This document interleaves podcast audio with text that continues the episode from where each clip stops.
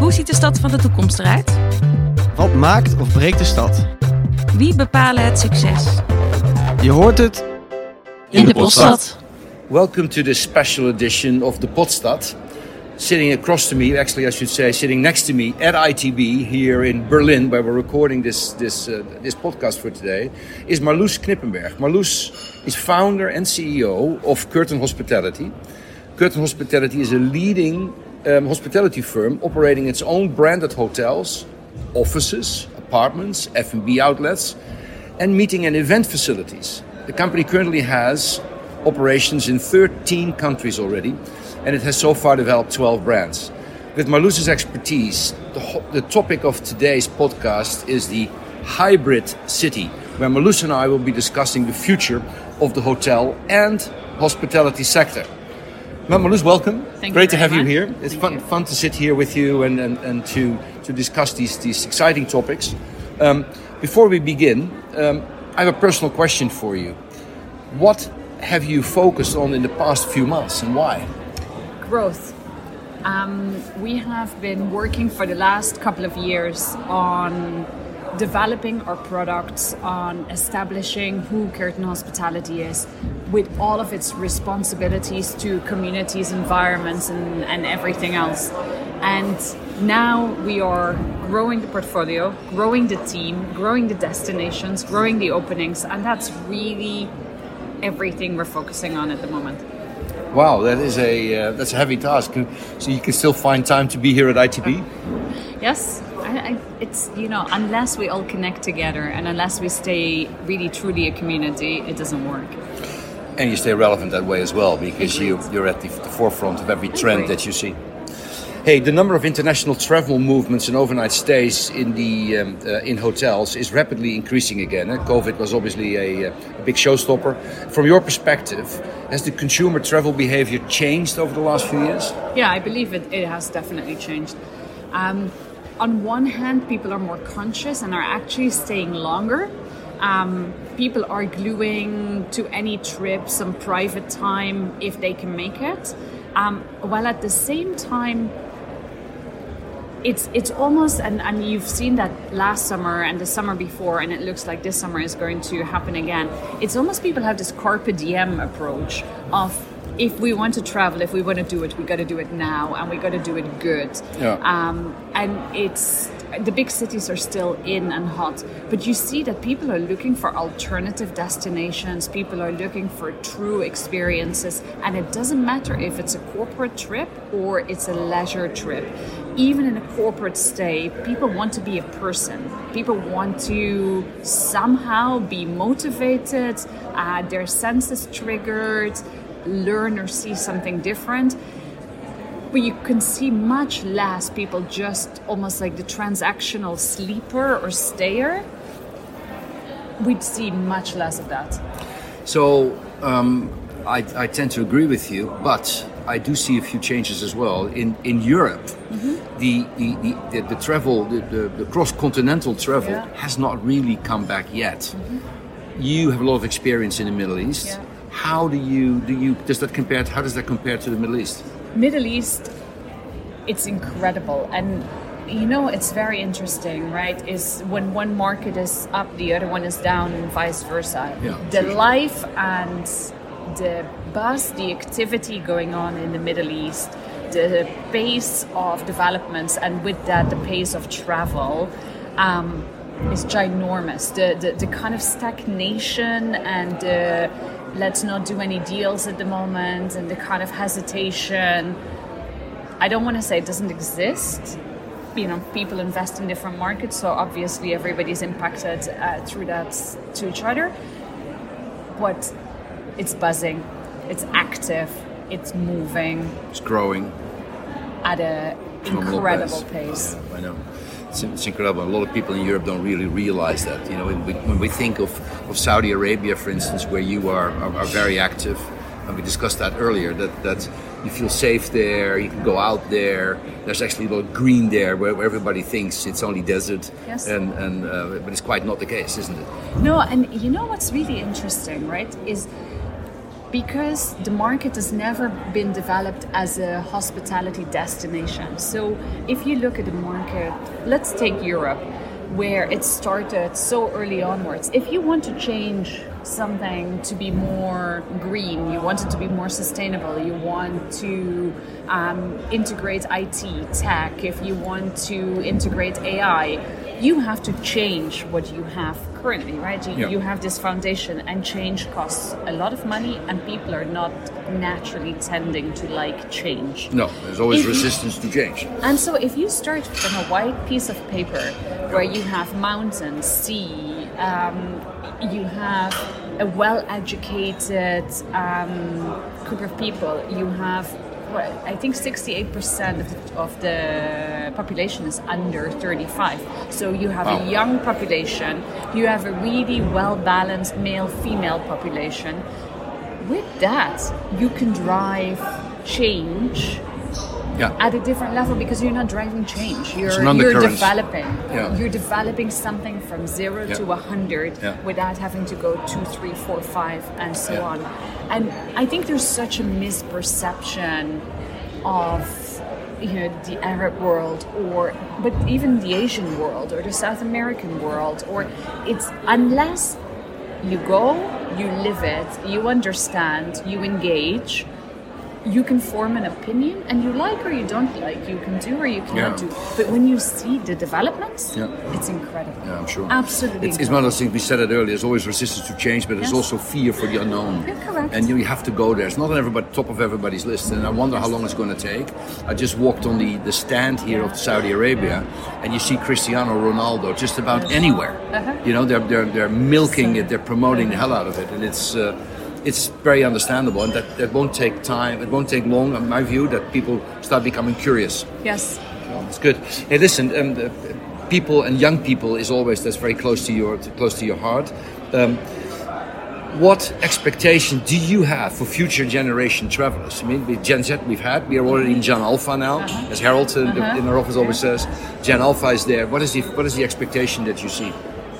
Yeah, I, I don't know how far it will go, but when uh, when we started developing Cloud Seven years ago, at that time um, we had some kids of investors that came with them, and they were eight, nine at that time, and we were discussing interior design, and the kid pretty much said, "What's the big deal? Just put on some Oculus glasses."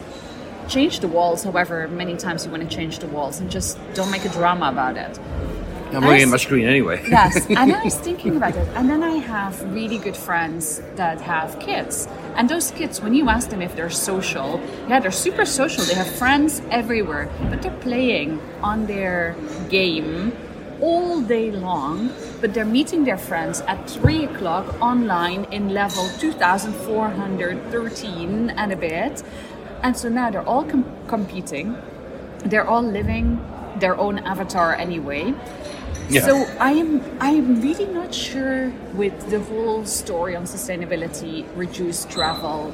COVID was probably only the first time in the beginning of how pandemics will impact our lives. I'm not sure this generation will have a problem not to travel, but to experience from their sofa in a different universe and world. What bad- the world is, what the world. You realize what you're saying. That's Yes. bad. That's bad news for the for the tourism industry. Yes, and it's so far away because, but I don't think it's necessarily bad for the tourism industry. You know, we're, we're, we're and I've been thinking about this. We've talked about staycations and we've talked, Yeah. for now, it's always, you know, somebody taking a plane and going somewhere. I don't think that will go away. But I think the expectations of those experiences are different. Now, you might want to play your avatar and you want to feel sand under your feet. I am sure there will be companies delivering sand to your living room. Yeah. And the Mai Tai with the straw, or no straw because it's sustainable, you know, in the glass just because you're living this. So you, you, you really focus on a localized audience that And- becomes your hospitality I'll, I'll tell you a funny story. I mean, mm-hmm. I many, many, many years ago, I was in Riga at the Radisson Daugava Hotel, where Oliver Stas was the uh, was the, um, the general manager, and he used to organize in his swimming pool area, which was on on, on uh, minus one level. He used to organize. Um, um, beach parties there. He used to have, roll in sand there, and then he made it warm over there, and you had you had it all with lighting, and we had beach parties there while it was minus 30 outside. Yes. You know, it's pretty cool. So, yeah, I, I tend to agree. Listen, consumers are increasingly looking for communities. Yeah. Communities is also something where, where you're very, uh, that's also very something that's very close to your heart. So, communities and environments for co-creation. How does does, does, does Kerten Hospitality deal with that? How do you create your communities, and what are the success factors of that? So, one of the reasons why we started with mixed use at the time was because if you combine a long stay and a short stay together, you have a transient consumer meeting a consumer that lives there or is there for a longer for a longer time. Dynamics. Yes. And you know when you when you look at human dynamics, right? If you take a residential building and you you put in um, uh, let's call it a, a social room, or I haven't seen many people leave their apartment to go down to a certain floor to be social with their neighbors. It's it's odd. We don't ring the doorbell anymore. But how many people do you see in a lobby looking at each other, just Yes. having a drink or having a Yeah. coffee? Yeah. And actually engaging because you're there for a short stay anyway. You make a joke with somebody. The moment you combine that together, you start this community. It's actually true. A hotel bar behaves differently than a bar downtown. Yes, and you know this is if if you combine those two, and this is also where we use the lobby for knowledge share, and that is preferably local knowledge share. Yeah. So we don't put it into a meeting room or create this amazing event away from everybody else. Do you create um, a tool around enhancing com- the community sense in your hotels? So uh, we're launching a platform actually quarter three of this year uh, called Mama. It's the Irish name for grandma. And we always say grandma knows best, right? Yeah. When you're in a hotel or when you're in an office space or when you're in your residence, to find the best burger or the best coffee or a pair of sneakers or a telephone cable, you tend to go to, you know, the big aggregators instead of supporting the local businesses around the building, the local laundry, the Yeah. But how do you find them? So every building can create their own little neighborhood, their own community, support those local businesses, and so you start engaging the local community Yeah, yeah. with Makes whomever is in the building. It's a new form of living. Yes, correct. It really is. Hey, now this is going to be a tough one. The um, and a fun one as well, I think. So, what is your take? What is your view on traditional hotel concepts? You know, the Hiltons of this world, the Novotels, and uh, you know the the, the Marriotts, the Courtyards. Um, in comparison to the new concepts, are there are, are, are traditional hotel concepts still competitive in the future? You know, it's a, what I think is the biggest difference with the, the traditional concepts is that the concepts are based on product. And when you look at a lot of the new concepts that are coming up, they're based on feeling, they're based on senses, they're based on the soft parts. They're, yes, smell, sound, um, taste, experience, community.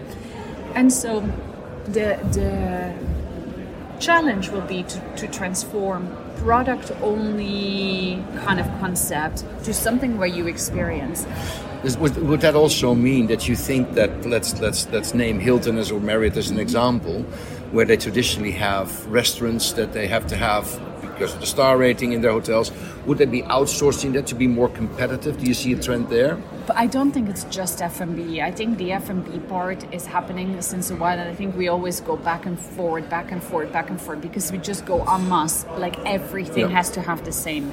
I think, um, you know, and and we started this again years ago. We go by brand guidelines, not by brand standards. It's not just do they have to change. It's owners are smarter. Most owners want a bespoke product, a product that is theirs. One of the things about luxury today is having something that others do not have. Yep.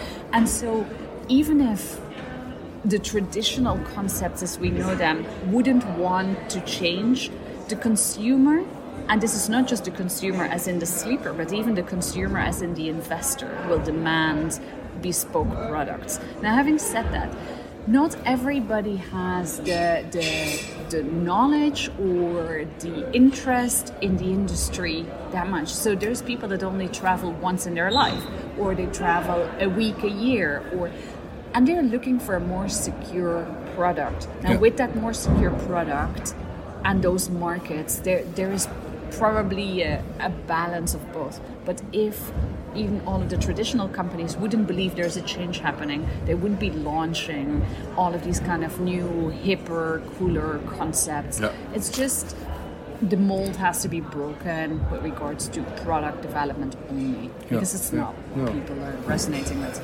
Next topic, something we can't escape on because that's uh, certainly here also at ITB. It seems to be on every stand, on every panel where I see, I see the, the three letters.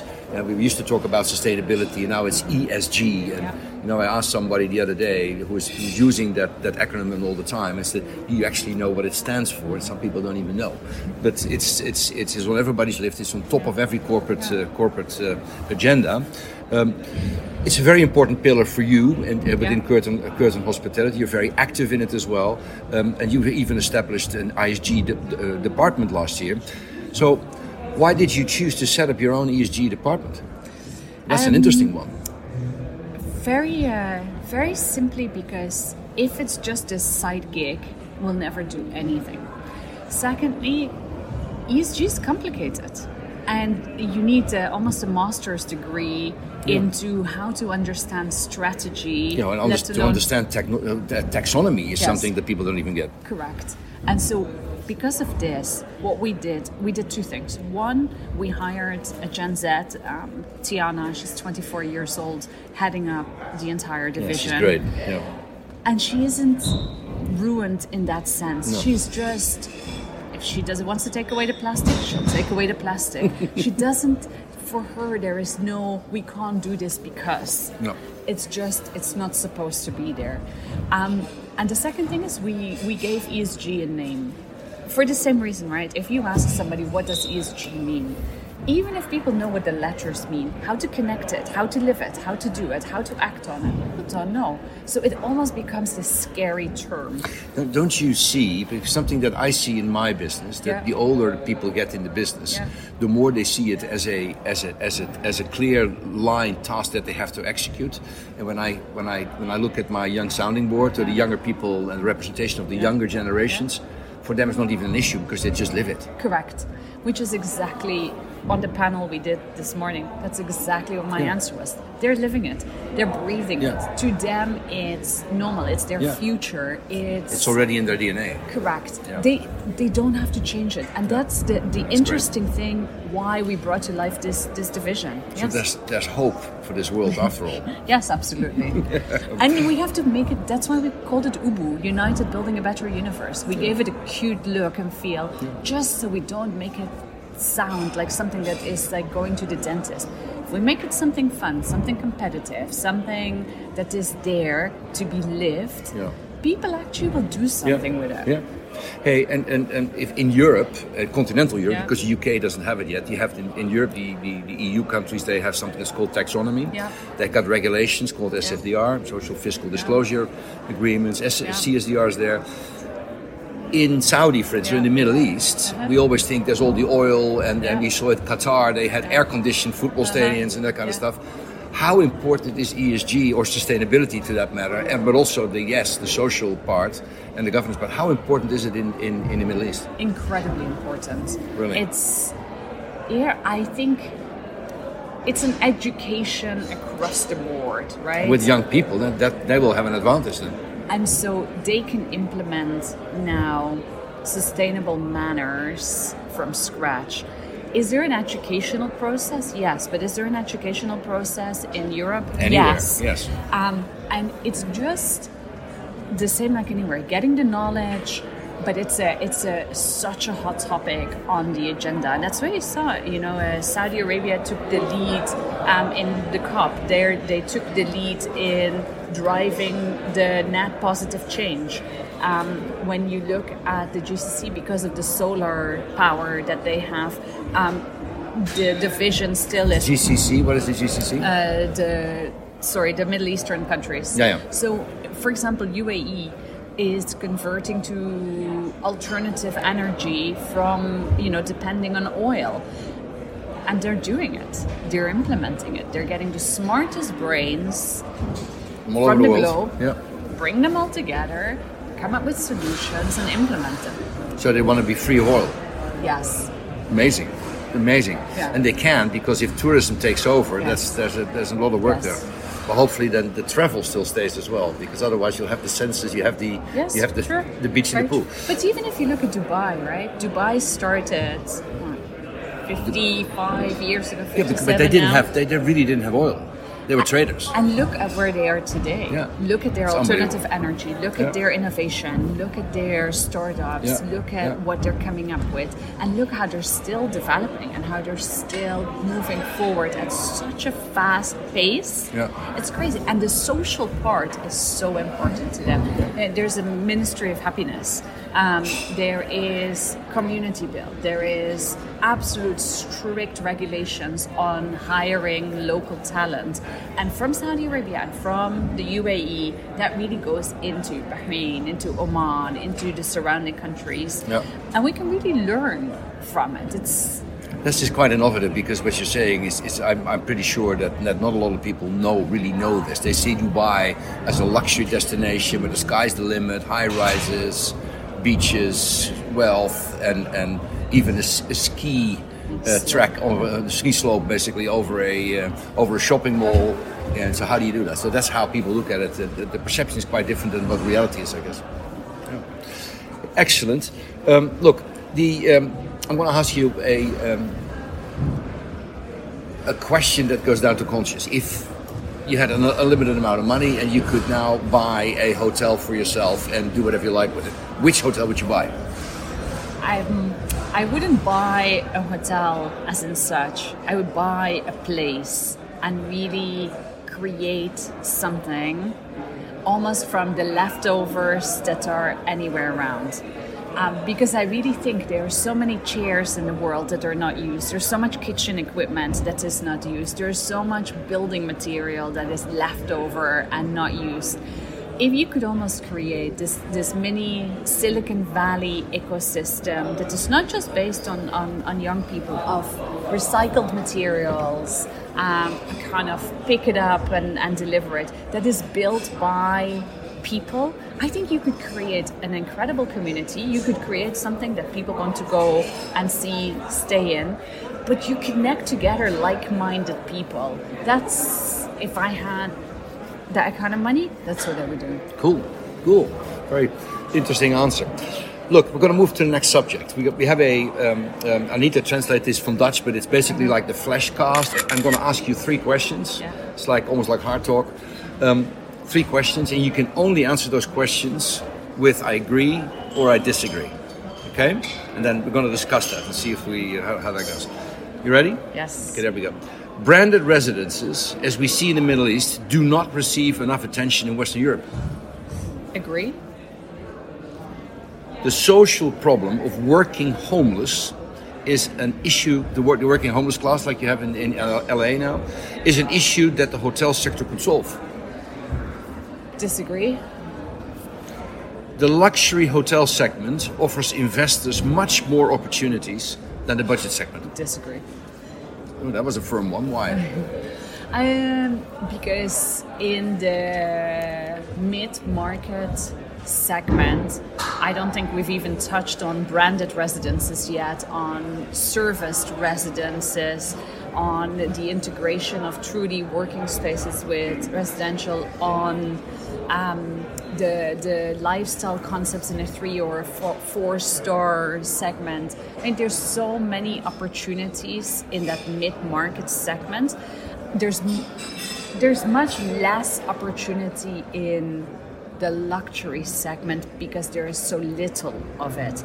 I think there is opportunities in the luxury segment if you really go beyond just putting marble everywhere um, and creating new type of, of luxury i think there there's a great opportunity um, but you see very li- little of it Yeah, clear answer.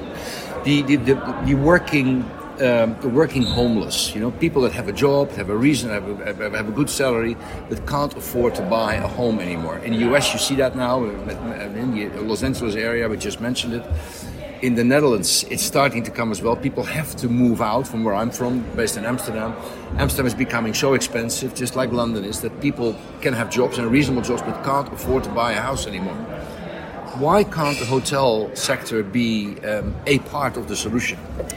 I don't say they can't be a part of the solution, but I don't think it's driven by the hotel industry for simple reason that you know we're, still thinking about average rate per unit. Yeah. Um, and so if you translate doing good and using your units as doing good, you're almost with your hotel going to compete at the level of an apartment or a house or anything else. If you do that, the pricing difference will be so far off that either you turn old hotels into kind of hostel style community living. Yes. yes Yes.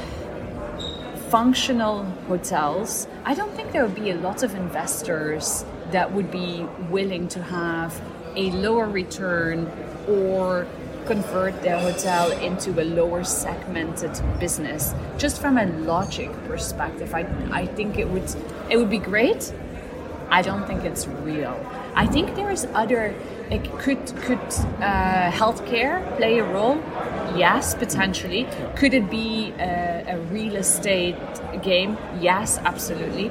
Could it be a hostel community residential? Yes, absolutely. But do I think hot- hotels will drive it? No.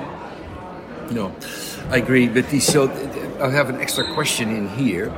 Um, I came across a, an opportunity in the Netherlands not so long ago, where we could lease from the city government for a period of ten years a phenomenal location piece of ground, where we developed an idea to build a a residence, a building where people could sleep, but, but in whatever way, shape, or form you wanted, but with all with materials that we lease. So for ten uh-huh. years, so after ten years, you break it down again, and it goes back to the to the lessor basically, uh-huh. Because windows and steel and, and, and stone and wood, you can all reuse that. So it be, basically is not a real estate play anymore, but it becomes a cash flow game. Uh-huh. Do you believe in that that that opportunity? Yes. You see that working yeah, in places? absolutely. And I think with the generations to come who like to share and who are fine with secondhand and who are, yeah, it's it's really yeah, a, a massive opportunity. Pretty Yes. cool. Let's see what we can develop. Uh-huh. Interesting one. Hey, um, finally, is- you, you, you're, the, you're a CEO. That means that, that you're focused on the future.